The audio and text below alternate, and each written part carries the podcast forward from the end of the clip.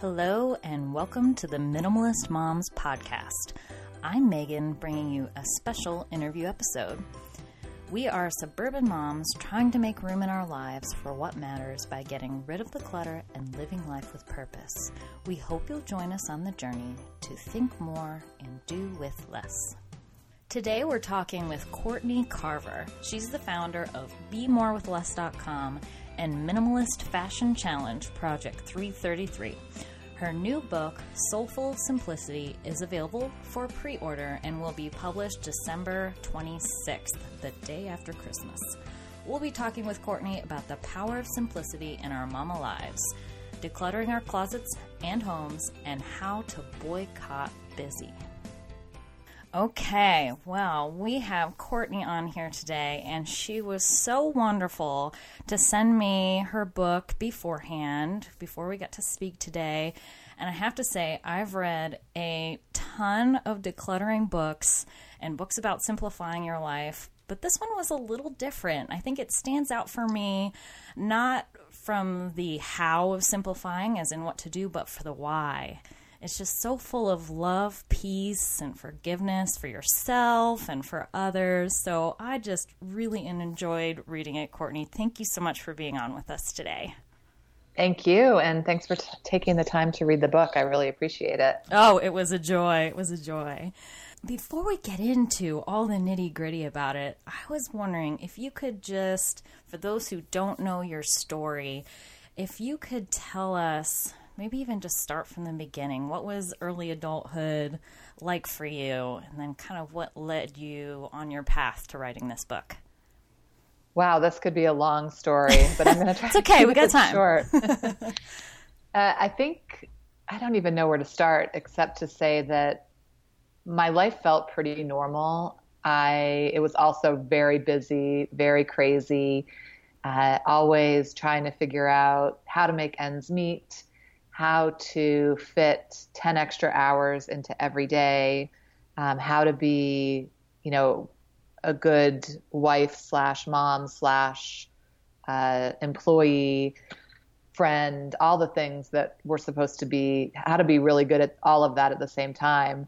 And never really realizing that by trying to do all of those things, I was sacrificing in all of those areas. And I just kept going kept going, kept mm-hmm. busy, kept up, and it all kind of came to a screeching halt in 2006 when I was diagnosed with MS, multiple sclerosis. Hmm. And while I definitely don't believe that that crazy lifestyle, and when I say crazy, I mean I think a lot of people could can relate to just being overextended, overwhelmed. Like there's always more on the to-do list. That's what I mean by crazy. And I, I again, I don't think that caused the MS, but I know it contributed to the exacerbations, to me not feeling well, to my ultimate diagnosis, and really just complete burnout. So that's really how all of my changes started. Mm-hmm. Uh, by getting really sick and finally answering this wake up call that had me saying, all right, enough is enough. I have to change my ways if I want to A, live well with MS, and B, really start showing up for the people I love, the work that I enjoy, uh, just trying to figure out how to get my life back, really. Yeah. I love how your story you make it very clear in the book that this may be your story and your big wake up moment was finding out that you had MS, but that doesn't have to be everybody else's story. Hopefully, many of us don't have to have that big of a wake up call. You know, anyone at any stage here can relate with your overwhelm and what you went through as a mom, as we all go through as a mom. I know, and I love how you talk about self care as well. And I think moms are notoriously bad at self care, just kind of putting our kids' needs before our own. How did you get past that? Now, I know you had the diagnosis, so in some parts you had to get better health wise, but how else did you learn to prioritize that self care? Yeah, let me back up just for a minute because what you said about wake up calls, I think, is so important. And I think actually listening for those wake up calls is part of taking care of ourselves. Mm. We, uh, we, I mean, uh, still today, I get wake up calls if I'm pushing too far, working too hard, you know, if I'm ignoring self care stuff, whatever it is. But now that I'm so hyper aware of of those calls, I can hear them before they're very loud. I can hear the the whispers, the the the nudges, and like you said, it doesn't have to be this devastating diagnosis. It might be just listening to this podcast or you know something that your child says to you that they might not mean anything by it or think they do, but you know that they do. Uh, or it might be something that you say to your child. I know for me, I started to notice that I said just a sec a lot to my daughter, or in a minute, or when I'm finished with this. And after a while, I started to hear that as every time I say that, I'm telling her that whatever I'm doing right now is more important than her.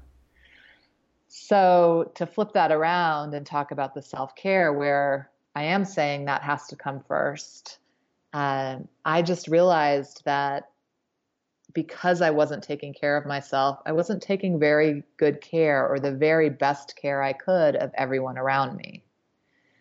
And that helped me prioritize it because it came back to to the people that I love. Mm. I mean, I in talking about that knowing when to check into yourself, or I guess maybe recognizing when those little moments of proactivity where you know it's wrong, where it's you talk about listening to your heart. Uh, and this, you know, I know may sound woo woo to some, and you addressed that a little bit, but tell us a little bit about your heart practice and, and why it's so important for us. Sure. Well, I mean, life is always going to be a little crazy, a little messy, maybe a lot crazy or a lot messy. So we can't wait for these big periods of peace and quiet or for the wake up call. We have to start taking some time every day to create time to listen. And for me, that meant just getting very literal and starting a heart practice and talking to my heart and for some people, that might mean talking to God, talking to the universe, talking to the trees, the sky, your soul, whatever it is, just something that you can connect to for a few minutes a day where you sort of take a time out and go in. And I try to do this every morning um, during my morning routine after a little bit of getting centered through writing or meditating. And I put my hands on my heart, one over the other, until I can feel my heart beating. And it reminds me to listen, to listen to my body, to listen to any messages that I may have been hearing throughout the, the day, the night, the week. And sometimes I even ask questions. And while there aren't always answers that day, they usually surface during a future heart practice. Uh, we need to give ourselves permission to listen to what we need because while in many cases it's so much easier just to push through and ignore because then we don't have to make any changes. It never it, it will always resolve itself one way or the other. Let's put it that way. So it's either going to resolve itself through a breakdown a breakup a meltdown or we could be proactive and prevent that by addressing it in tiny steps for a few minutes a day uh, on our own time. Mm-hmm. And I really feel like we've all had those moments where we just know in the moment when we're saying yes to something that we really don't want to. uh, we ignore, I feel, a lot of times our gut instinct and what we know we can and can't handle or just feel like we have to put this face in front of us, this image, or that we're either the caring mom or the perfect mom or whatever it is. you know, and then we deny ourselves what we really need and want, and giving ourselves permission to just listen to our heart is just a beautiful sentiment. And I, I hope to try to do that even better.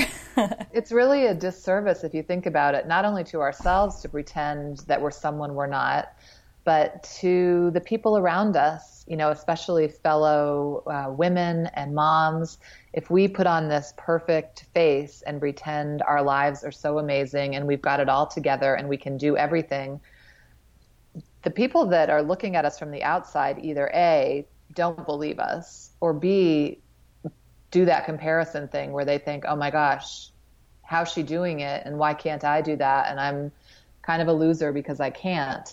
All the while, she's comparing herself to someone that doesn't even exist. Mm. So true. So yeah, true. we need to start showing up. Yeah. So how did your self-care, your heart practice, how did that evolve into actually physically getting rid of stuff? Like what was that what did that look like? It's interesting because I did start with, you know, the the health stuff and food, diet, self-care, really thinking about, you know, how can I live well with MS and thrive in my life? How can I have more energy? How might I sleep better? I just wanted to, to live well. And I started to look at eliminating stress, as much stress as I could. And while that started with diet, it turned towards things like debt, which was super stressful for me, mm. and eventually clutter. And it's interesting because at first I didn't really think of my stuff as stress, but the, the, the as I removed stress from other areas of my life, I noticed that it was stressful. It was a reminder of you know bad purchase decisions, shopping for things that I didn't need because I wanted to you know soothe some pain that I was having that day, whether it be boredom or disappointment or exhaustion. Shopping was really an easy way, an easy fix, an easy lift. And even though you know my home wasn't so full of stuff that you would have walked in and thought, oh my gosh, she's got a problem. I had way more than I needed. Mm. And I just started eliminating some things. And at first it was just like the little stuff that didn't really matter to me, like, I don't know, trinkets or picture frames that I had never filled, um, duplicates. Like, why did I have three sets of measuring cups in my kitchen? Or, or 10 wooden spoons. Like, why did I keep collecting all that stuff? Why did I have so many coffee cups? I love coffee, but come on, I can only drink from one cup at a time. So I kept asking questions and thinking about if I really needed things and letting it go. And within a couple of years, we had gotten rid of so much stuff that we had too much house and got rid of our house and downsized to an apartment less than half the size. And it's funny because I really noticed as we were clearing things out that we feel kind of obligated to fill our house with stuff as if it's some kind of big storage container. Like every room is supposed to have certain things. And I just started questioning that too and thought maybe I don't need to have, you know, all the things in each room like I'm supposed to have, like it shows in the magazines, like all my friends have, like like this for whatever reason I believed I had to have and I proved myself right. I really didn't need most of the stuff that I had. Mm. Wow, that's that is so true. Is that we just get used to the thought of, well, if we have a foyer, then we need a table there to put this on, or there needs to be this here or that. We get that image in our mind of the ways things should be, but who says that that's necessarily what's supposed to be? Um, you mentioned shopping a little earlier. And I have to confess to you, I was a huge shopaholic several years ago. And I want to say I was a cultural shopaholic and that, like, my family just that's what we did. It was our recreation activity. It was things we did on what we did on vacation. We would literally take trips to go shopping to like an outlet mall. You know, we traveled far, and it, never even considering whether or not we needed whatever we were going shopping for or even having a list of things to buy. So it, it sounds like you were similar in your shopping habits. How do you, I mean, how did that change and how do you combat that even now? Well, yeah, no need to confess. I was exactly the same. I mean, I would literally fly to other places that didn't have certain stores to shop there, even though the stuff inside the stores was probably very similar to what I had access to. Uh, it was crazy if I think about it. There's that word again. Um, yeah, I loved shopping, or I thought I loved shopping. Um, but really, I just didn't know what I loved, and shopping was so easy. It was this quick uh, relief from whatever. It was like a relief from boredom. Go to the mall for, on the weekend, uh, and then of course internet shopping. Yeah, I shopped uh, constantly, constantly. Mm-hmm. Even if I would go grocery shopping at some place like Target, I would throw, you know, a dress or a scarf or something in the cart because I was like, well, no, that that could be part of the grocery budget. Like we're I'm here anyway, so I may yeah. as well grab that. You can always use an extra yeah. cute T-shirt. I mean, come on. Or, or or you can get five for the price of, you know, two at another store. So I may as well get one in every color. It oh, was oh, a never never ending cycle for sure. And when I started decluttering and we were going through this big cycle of paying down our consumer debt all of our debt actually, we stopped shopping because paying down the debt became more important. And we stopped shopping and spending like we had been.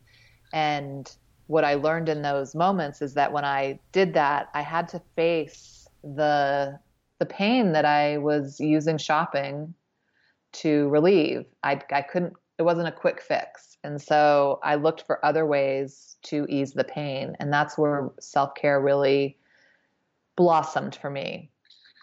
And I traded shopping for self care and discovered that if I was feeling frustrated about something, going for a walk did even more for me than buying something that I would feel guilty about two days later, uh, or taking a nap you know, that sounds like such a foreign concept to some people. And I know it did to me. Like, slow down and take a 20 minute nap in the afternoon. That sounds absolutely bonkers. but, uh, but why didn't I think it was crazy to go blow $100 at the mall that I didn't have? It was just really a, a shift in priorities and it was a slow shift. But, but what I had to do because of my nature, I'm really kind of all in or all out with things. And I couldn't do the like, well, I'll only spend this much a week.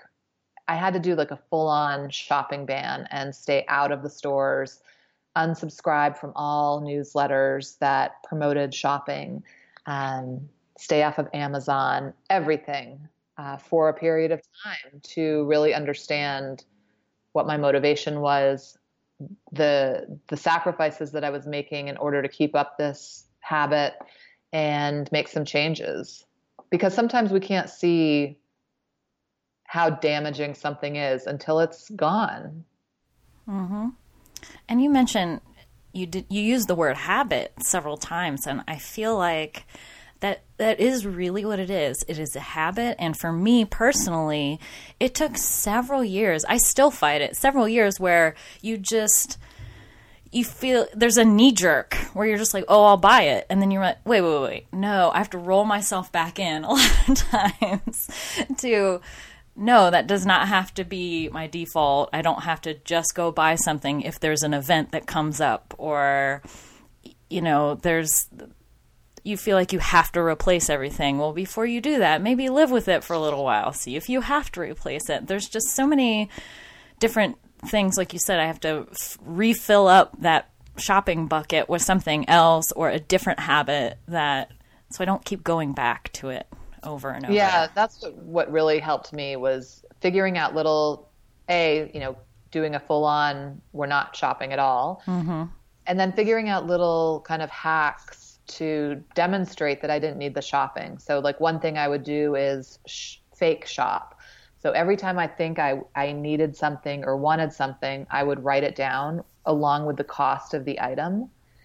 And I would keep a log for like 30 days. And at the end of 30 days, I would add up the total and think if somebody handed me that amount of money right now, would I go buy all of these things? And most of the stuff I didn't even want anymore. And it was only 30 days. But it was just a great demonstration that it was never about wanting the things, it was just wanting that relief or that I don't even know what the right word is, but the the action of the the buying. And sometimes mm-hmm. I would mm-hmm. I'd say like, oh, I'm going to buy these things and then I'll return them if they don't work out. Like I'd always have this little loophole for myself. All right. Just, I'll just buy it because I'm in a hurry. I'm going to get it home and then I'll return it. And I would never return it. Right. It's that instant gratification.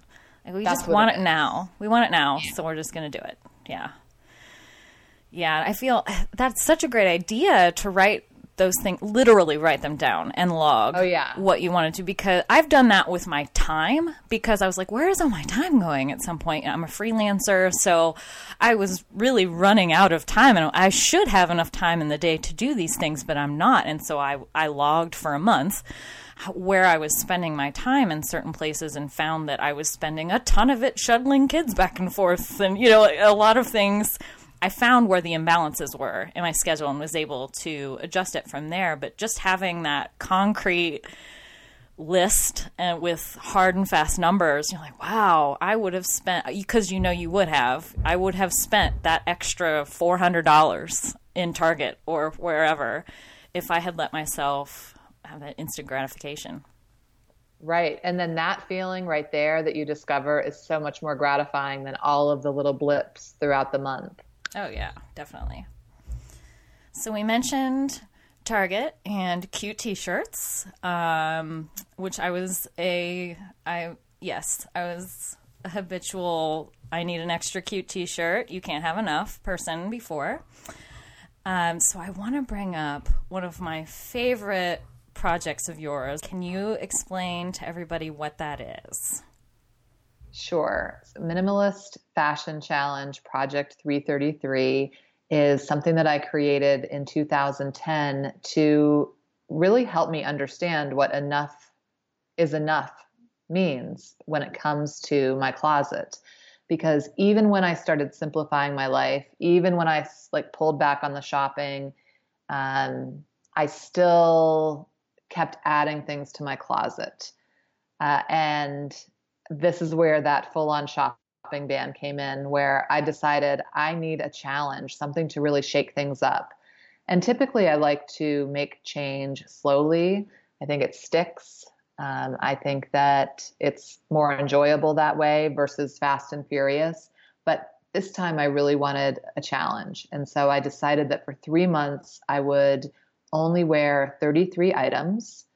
And that would include clothing, shoes, jewelry, and accessories. Uh, so, again, for three months and with varying weather conditions.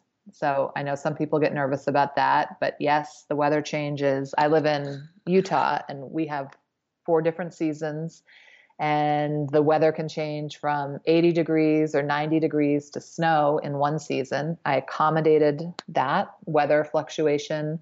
I was working um, full time then for a company.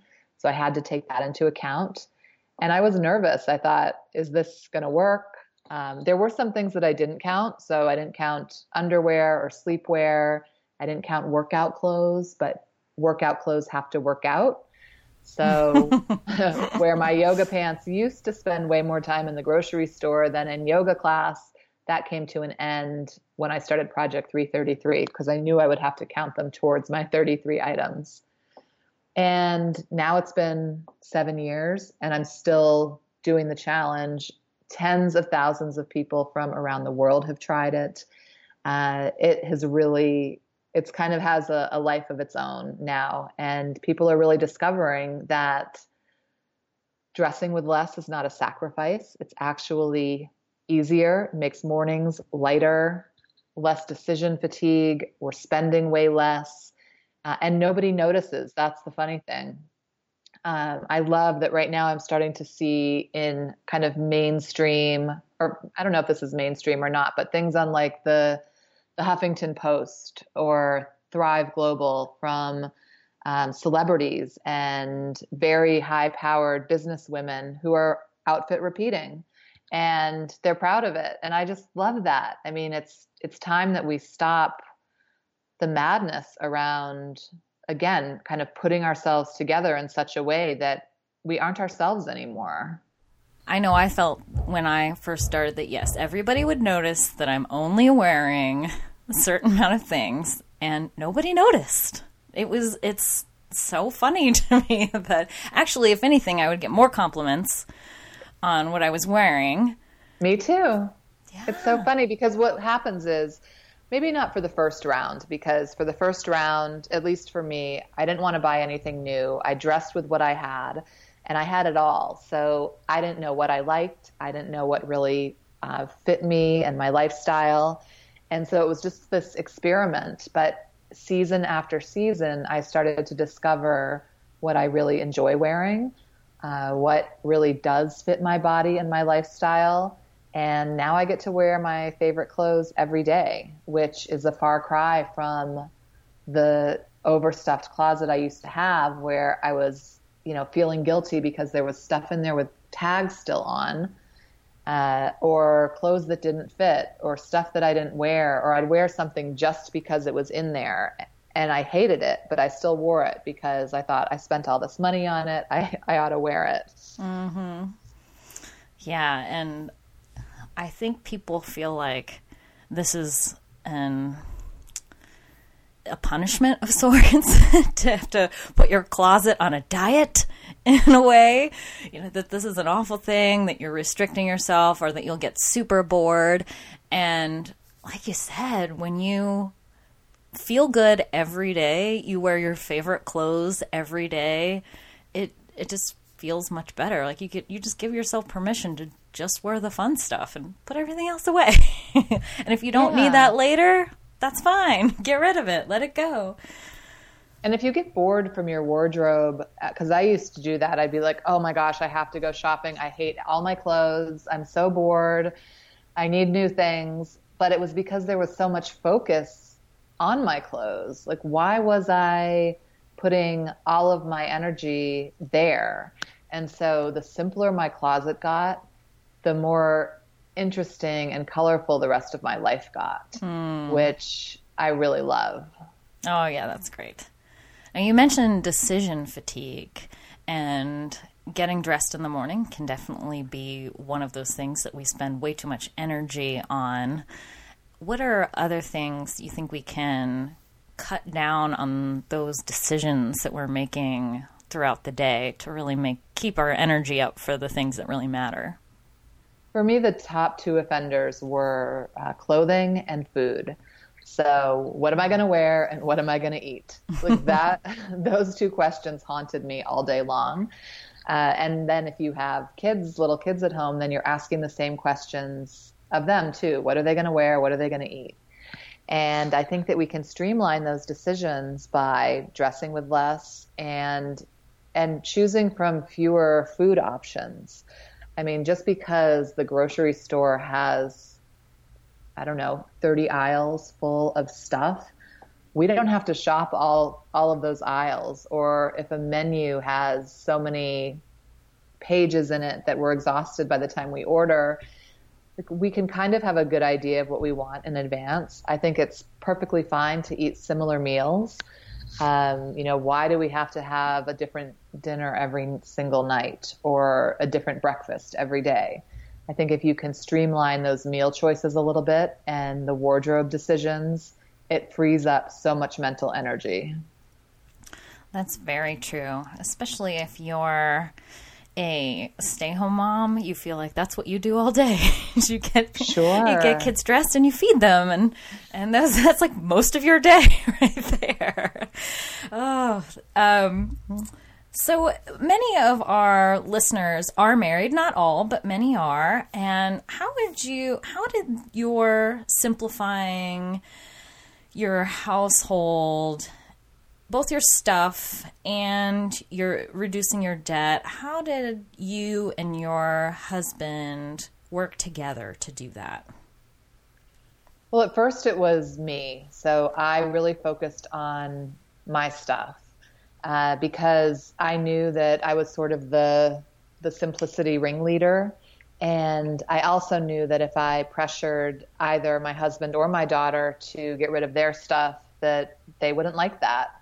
Uh, and I only know that because I think about how I feel when people put change on me and kind of pressure me to make changes I'm not ready for. I rebel and I go the opposite way. Mm. I have to do it on my own time. So I knew that if I could just kind of stay, keep my eyes on my own paper, focus on my own stuff, that once I learned a little bit about that, I could have better conversations with my husband about it. And that also maybe he'd be inspired by the actions I was taking. And that's exactly what happened. And when we did start to take steps together, it was the result of some really powerful conversations that weren't about the action or the chore. Like I wasn't like, "Hey, let's declutter this weekend. Wouldn't that be so fun?" because I couldn't even buy into that. But instead we'd talk about the bigger picture. Like why do we want to get rid of our stuff? Why do we want to downsize? What would our life be like if we didn't have any debt at all? Um, because I mean, paying down debt is not amazingly fun by any means. Uh, but it is so powerful. And once it's gone, you just create a life for yourself that can include more fun, uh, among other things. Now, you mentioned talking about fun, you named a meeting you and your husband had the Simplicity Summit. Which sounds so so lovely and so fun. Can you tell us what, what that included? I always laugh. I am such a dork when it comes to naming things, but I couldn't help it. I I noticed that there were a lot of things I either wanted to say in my marriage but wasn't saying, or I would only say if we were, you know, I don't know, just not in the right frame of mind to have a good conversation about things. And just a lot of stuff I would just not say at all. And I realized that it was because we didn't really have space to talk about anything. Uh, you know, when when you're both working and there are kids around, and life is full of responsibility and obligation and perhaps debt and stuff and busyness. When do you have time to have a great conversation about changes that you want to make or uh, how things are going or how things could be better. And so I created this thing called the Simplicity Summit, and I sent my husband an email with an invitation mm. uh, to the Simplicity Summit. And I created a Google Doc that had a list of things that we might talk about. The first being our monthly bills. Like, who wants to talk about that on the way to work or when you get home from work? Um, but this was going to be you know, an hour that we could just sit down and talk about all the things in this uh, non judgmental, safe environment. And I, can't, I think we did our first one in, I want to say 2010 or 2011. And we asked some big questions. And we asked a lot of questions that started with, wouldn't it be crazy if?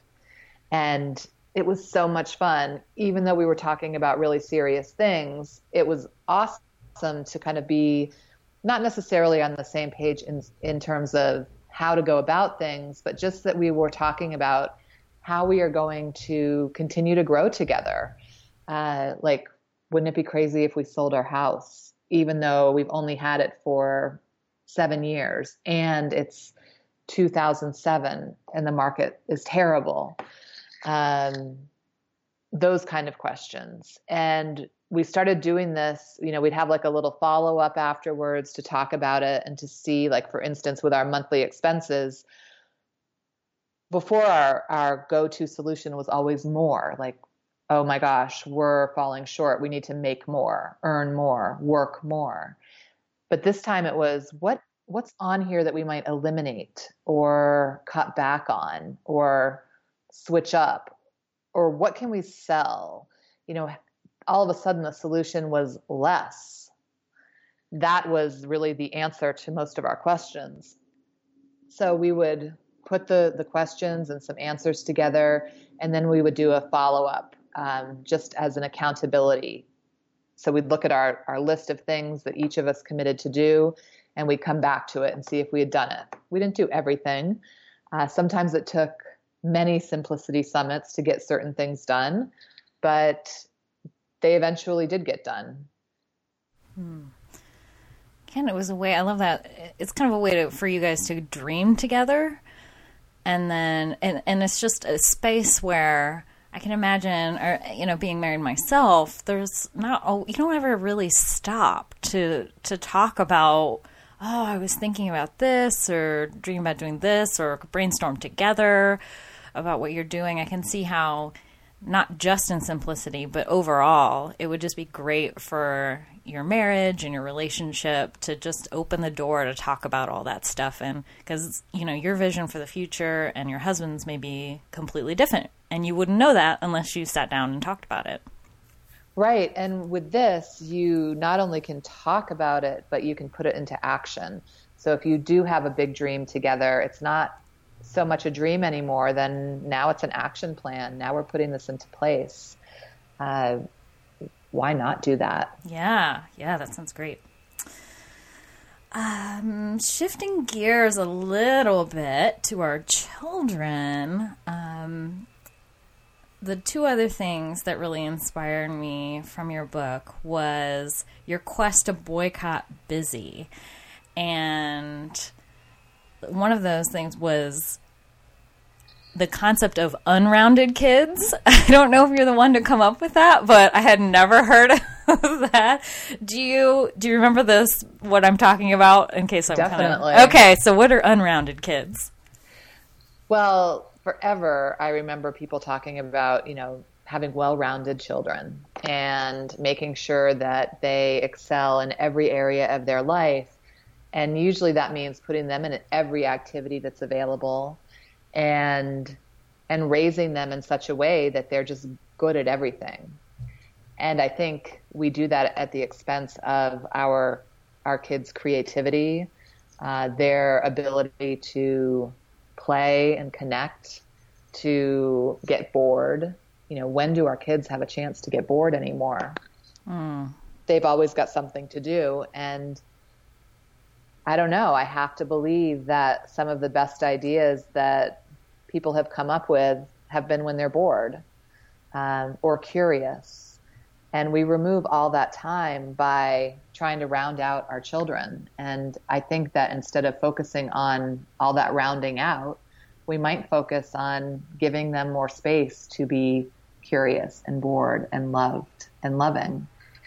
Mm-hmm. And I know it's hard because everyone around you is super busy and their kids are super busy. And so it feels like you don't fit in if you're not super busy too. Mm-hmm. But quite frankly, I really got sick of my busy self. Um, I don't know. I really did. Like, I got tired of hearing myself talk about how busy I was. I got tired of creating the busyness myself because that's what I was doing. Like, I'd see a blank space on my calendar and I felt just compelled to fill it. Mm-hmm. Um, my to do list was never long enough. Uh, of course, I never finished it either, but I I thought, oh, I, I if I'm going to be successful, I have to do it all, and uh, it's just it's overrated. Busyness is overrated. Mm-hmm. And it, it feels like you said the mommy guilt kicks in. It, culturally, it feels like we have to have. I, I know one point for me was when I found myself agonizing over whether or not my two year old was in soccer. And I'm like, wait a minute. Stop myself like, no, they don't need to be in soccer. Just because all your mommy friends have their little two year olds in soccer does not mean yours has to be too. You know, little things like that that we just overwhelm ourselves with. I mean, that's kind of an obvious example, but feeling like your kids are going to miss out and obviously you want to give them all the opportunities in the world you want to set them up for success but how we go about that may not be the best way for every child Yeah, and I don't recommend setting them up for success at the expense of taking away their childhood, taking away, you know, the moments that you have together now because I mean, as all moms have probably noticed, kids have a mind of their own and that only keeps getting stronger and stronger. So chances are all of these activities and all of these things that you're doing to set them up for the future, you're creating a resume for them for a life they may not be interested in. Uh, oh, at some so point, true. they're going to choose their own path. Give them the resources to do that, to choose their own path um, versus every possible skill. And um, I don't know. I just think we're overwhelming our kids no. with everything. Mm-hmm. I feel that's true. Even in my own life, my family grew up baseball players. Everybody played baseball, and so I did the t-ball through, you know, softball thing through eighth grade, and then was like, wait, wait, I have, I have no, I don't have a competitive bone in my body and I was decent at sports, but I didn't love it. I'm like, why did I do that? You know, after a while, I asked my mom if I could quit and she's like, you don't want to do this? I'm like, no, I was just doing it because I thought I had to, or I felt like they really wanted me to, or that's what was expected. And I mean, they could have sa- saved themselves a lot of time sitting out in the diamonds um, to me. And that's just for my own life. So yeah, we've just from that little lesson, we kind of we we let our kids tell us what they're interested in doing. I mean, we'll suggest things, but you know, and we're not having them try everything just to try it.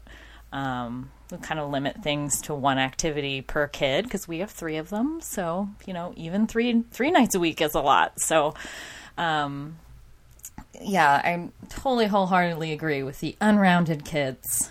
It's a great concept.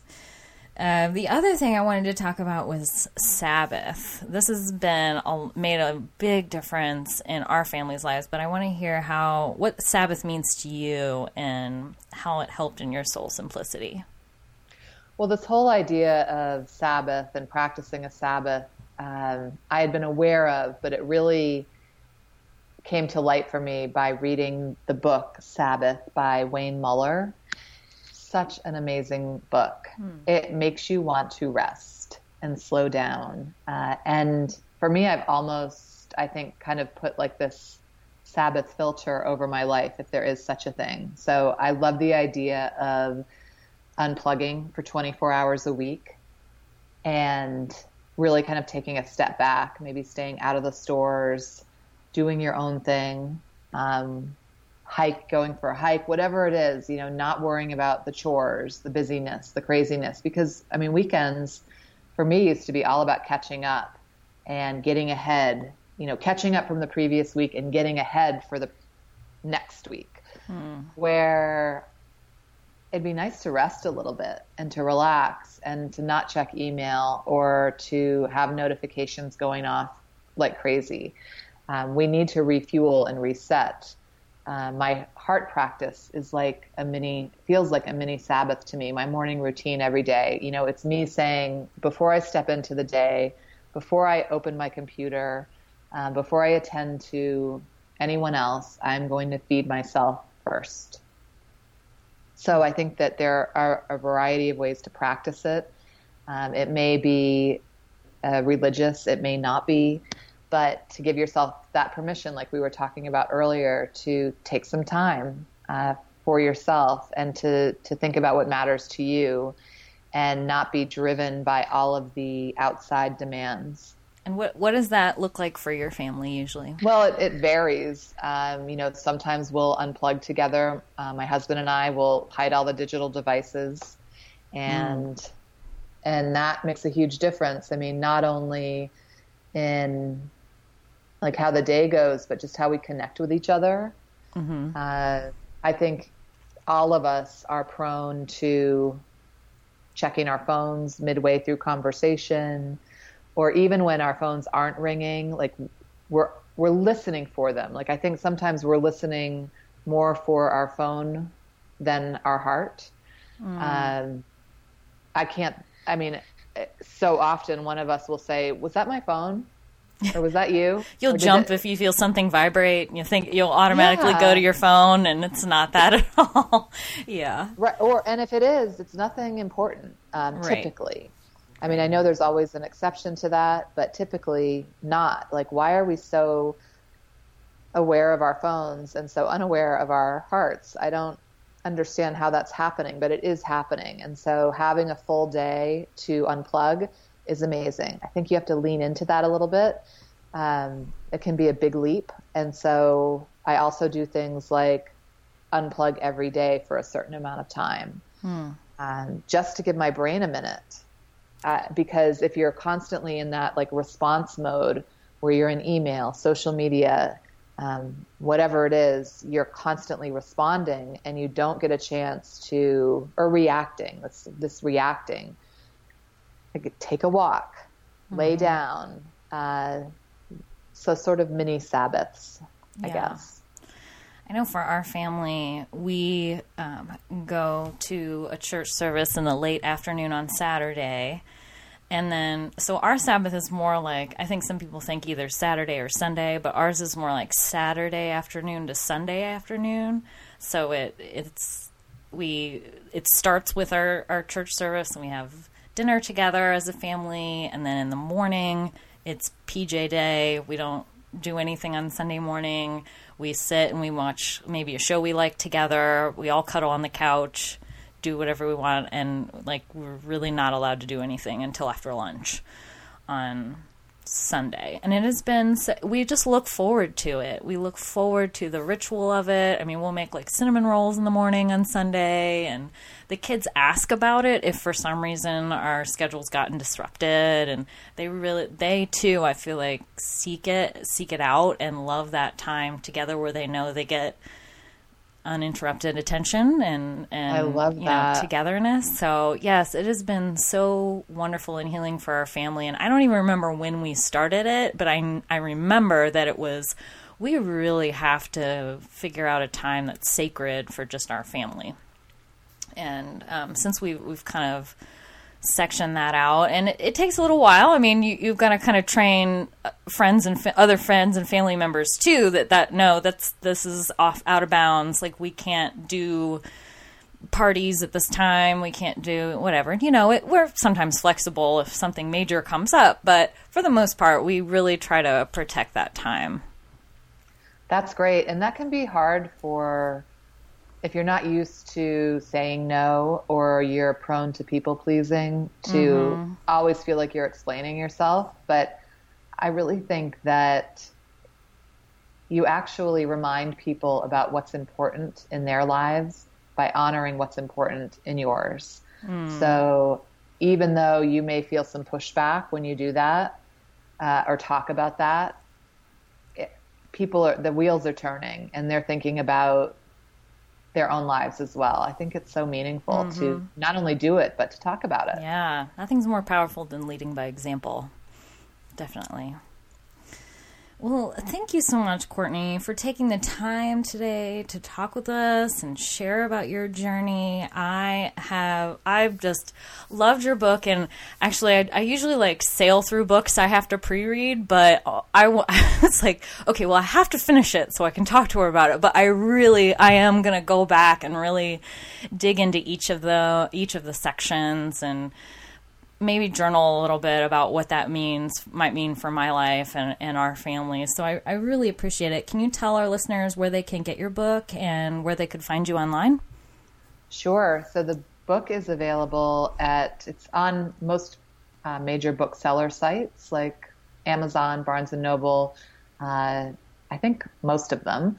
Mm. and you can see a list of what's available and also some pre-order goodies, some simplicity inspired bonus gifts that won't take up room on your bookshelves uh, at bemorewithless.com slash soulful dash simplicity. Wonderful. All right. Well, thank you so much again, Courtney, for being with us. And um, you're we love we love you. Thank you. I love you too. bye bye. So, what did you think of Courtney's soul simplicity? Are you ready to start talking to your heart, or is that too woo woo for you? We would love to invite you to keep the conversation going by visiting our website, minimalistmomspodcast.com. You can also find us on Facebook and Instagram at Minimalist Moms Podcast. If you'd like to receive our show notes via email, text the word minimalist to 444 999, and then you will never forget one word we said because you'll have it right there in your email box if you want to reference it for later. Before we sign off, we just wanted to thank you, thank you, thank you guys for your iTunes ratings and reviews. We wanted to especially thank Mimster Doodle for her comment. She says, I love that Megan and Diane are quote unquote regular moms, not extreme minimalists. Their tips seem doable for my life. The podcasts are fun to listen to. Thank you so much, Mimstar. We thank you so much for joining us on this journey, and we wish you a lovely week as you think more and do with less.